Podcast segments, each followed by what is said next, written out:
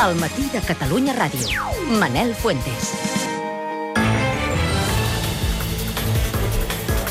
Un quart i un minut de nou. Anem als bàsics d'avui. Si voleu estar el dia abans de sortir de casa, heu d'estar atents a quatre qüestions. La primera, el ministre d'Economia, Luis de Guindos, considera que la creació de Bankia i la seva sortida a borsa van ser un error. Gemma Bonet. De Guindos ha fet aquestes declaracions ara que fa un any del rescat internacional a la banca espanyola. Durant aquest any, el govern espanyol ha fet servir 41.300 milions d'euros dels 100.000 milions que es van aprovar i pràcticament la meitat han anat a Bànquia. Alguns experts diuen que el sanejament dels bancs espanyols no ha acabat i que es necessitaran almenys 20.000 milions més. I com dèiem, ara el ministre d'Economia admet errors en les decisions preses. Considera que la fusió de caixes que va donar lloc a Bànquia i la seva posterior sortida a la borsa van ser un error. De fet, un any després, Bànquia va ser intervinguda. Són declaracions que Luis de Guindos feia ahir a la Sexta. Yo creo que tenemos que aprender de nuestros errores. Yo creo que hubo errores. La fusión de esas siete cajas de ahorros fue un error.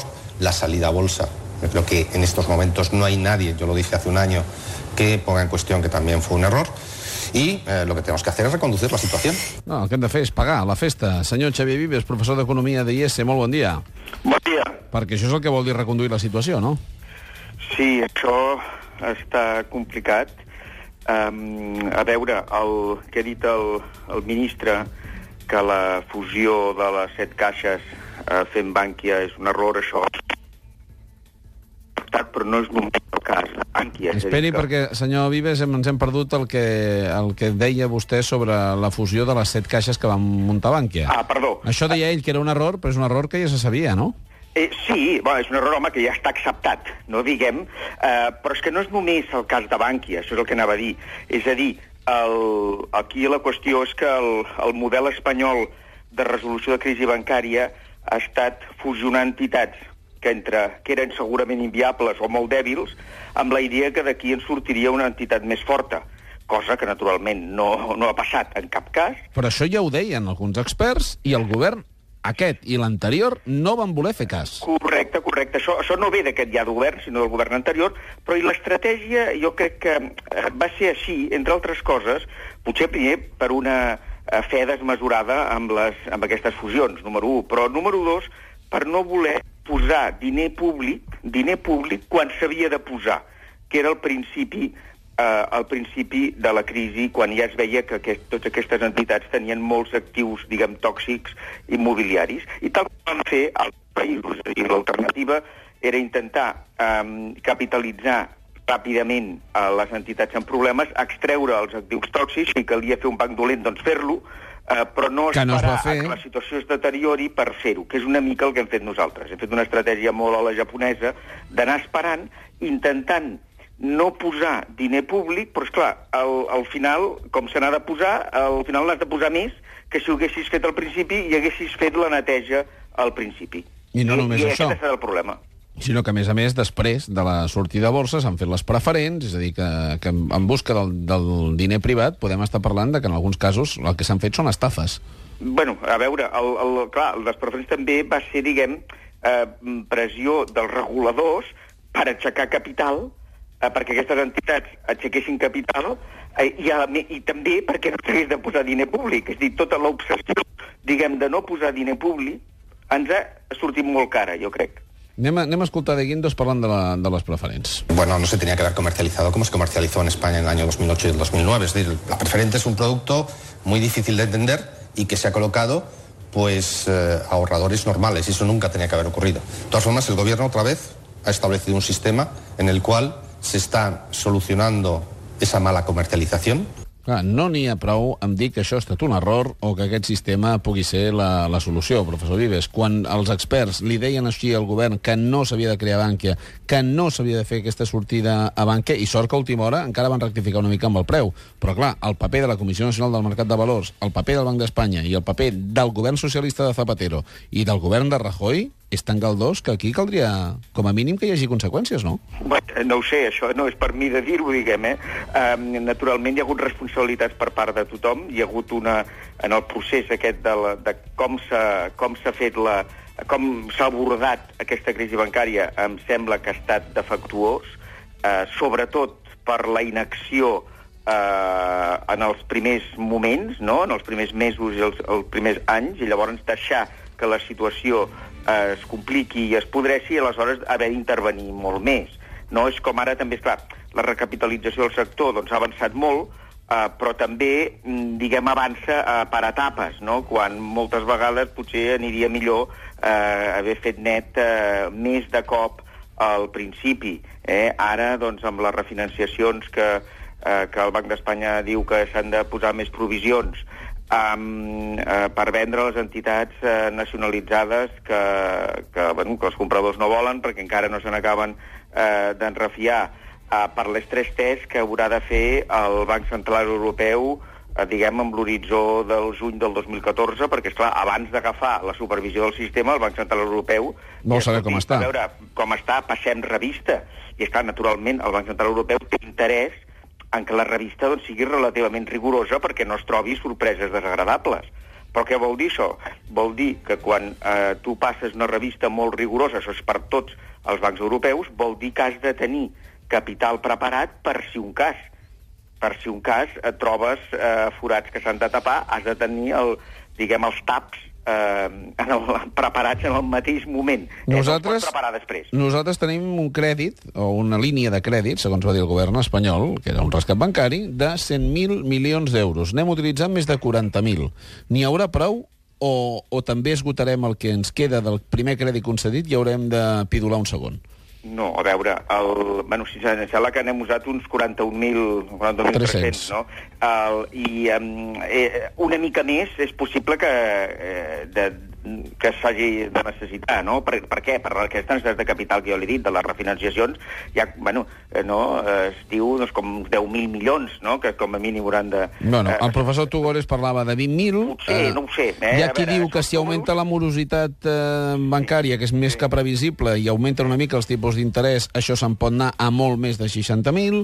Vull dir que aquí n'hi ha per tots els gustos. Els, els números, sí, els números s'hauran de fer bé, i això, a veure, no, eh, sense tenir els números ben fets de veritat, diguem, amb auditoria, amb estrès test, no, jo no puc contestar ni, ni, ni m'aventuro a dir-ho, no?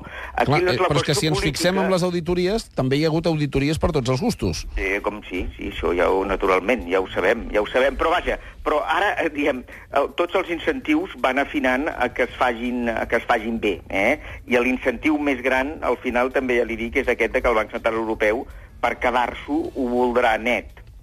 Eh, tot. I no, no aquí, eh? Tot arreu, eh? I també trobarem sorpreses, uh -huh. eh, hi haurà bastantes sorpreses en els sistemes bancaris d'altres països, eh? Que diguem que han viscut tranquils, però, eh, però ja ho veurem, eh?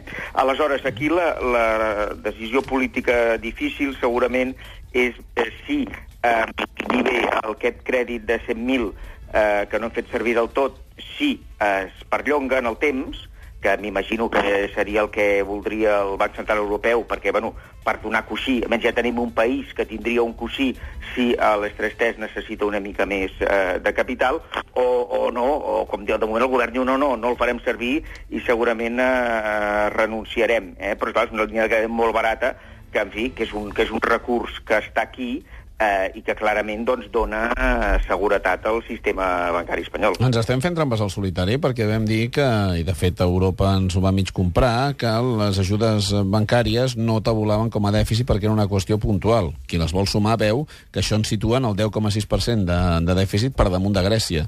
Però és que, clar, si aquest any també tornem a necessitar ajudes pels bancs, al final el que estem fent és desplaçar-nos molt de l'objectiu de dèficit marcat, no? Bé, aquí sí, aquí, diguem, la interpretació de la Comissió Europea és dir aquest per, és per mm, el, diguem, l'increment, el possible increment de dèficit pels ajuts eh, pels ajuts al sistema financer o al sistema bancari eh, s'han d'interpretar com eh, per solucionar un problema concret i que no tenen que veure, diguem, amb el dèficit estructural, que és el que s'ha d'anar corregint. Mm. Eh, diguem, bé, eh, posi-s'hi com vulgui. El fet és que els problemes s'han d'arreglar.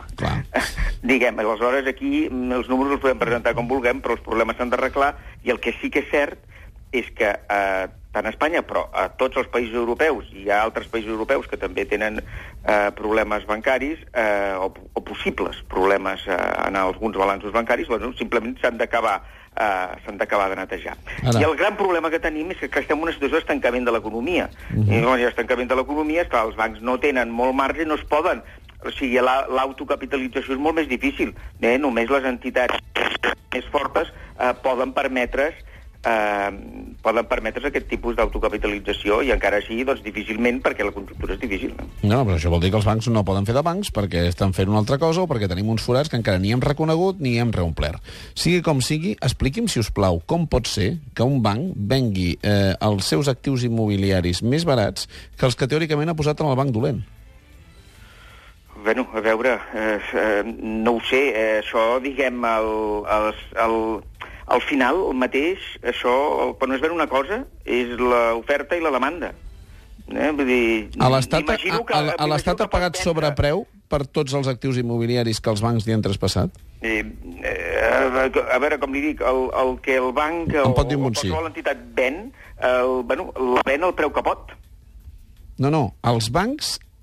A, a, a, és a dir, amb quin preu ens hem quedat nosaltres, el Sareb, els actius immobiliaris dels bancs? Ah, bueno, a veure... Hem pagat sobrepreu? Eh, No, no ho sé, jo no he fet cap auditoria sobre el tema per... eh, per no, no li puc contestar, no li puc contestar. Teòricament els bancs traspassaven els, els locals, els I pisos dolents... Molt, molt reglat, amb uns descomptes, no, diguem... A, a veure, el que passa que també la percepció d'això és complicada perquè és dinàmica, eh? És a dir, el que pot ser és que el que semblés un preu adequat en un determinat moment, si la situació no s'arregla i es continua deteriorant, esclar, el preu es deteriora també. Els bancs, amb els seus actius bons, no els dolents, sinó els bons, que es quedaven en els seus, en els seus balanços, els estan venent per sota del preu que teòricament tenen els pisos dolents, que ells mateixos ens han venut. Nosaltres els hem comprat massa cars? No li puc contestar, no li puc contestar. No li puc contestar perquè no m'he mirat els comptes del Sareb eh, prou a fons per poder-li contestar. Eh, però deixi'm que li digui, el, el, li repeteixi el que li he dit abans. Um, el que les transaccions... Es va fent uns baremos no, i uns descomptes eh, per intentar que fos a preu, no? Eh, el, el, el trasllat. Ara la qüestió és... Um, després d'un temps, després de que ha passat uns sis mesos, un any, etc, el, quin, quin és el preu de mercat dels, eh, dels actius? És clar, i d'alguns actius és possible, vostè té un pis a vendre, no? Vostè té un pis a vendre i fa 3 anys que no el ven, no? I el vol vendre, doncs què fa? Nosaltres l'hem comp nosaltres comprat i no l'hem comprat baixant el preu. A través del Però- banc dolent. Però, sí, sí, però quan? Però quan, eh? No, no, ja, no li puc contestar, és que no, no, li- no, no ho sé. Eh, no, no he mirat els números per No li he dit la diferència, li- perquè és una li dic- pregunta molt precisa, eh? li- diguem. clar, si hem pagat una pregunta sobrepreu- molt precisa que requereix una, un estudi precís, diguem. Mm, En qualsevol cas, eh, si també nosaltres estem aguantant determinades eh, entitats, o això està passant perquè els actius s'estan eh, devaluant, els nostres calés eh, haurem de posar més diners en aquest banc dolent, perquè si aquests actius no es venen i s'estan devaluant, n'haurem de posar més per equilibrar el balanç, i haurem de posar més diners en els bancs on hem hagut d'intervenir, com ara Catalunya Caixa o d'altres, que encara no ens hem tret de sobre. A veure, els, el, la neteja s'ha de fer i, i d'una manera o d'una altra... Pagant nosaltres, no? Eh, eh, bueno, sí, i, sí, sí, esclar, al final el contribuent, diguem, si, si és diner públic, eh, al final és el contribuent. En aquí no hi ha, eh, pot ser, pot ser, i llavors això és el que hem estat intentant. Ja. Aquí també que sigui no el contribuent espanyol, esclar. Eh? Està bé, que tot això vingui d'un eh, error. Això naturalment és difícil perquè els altres contribuents doncs també llavors se'n donen compte i diuen, ben, posem-hi posem barreres amb això. Posem-hi barreres, no? Professor I Vives, aquí estem. moltíssimes gràcies per atendre'ns. Moltes gràcies, bon dia.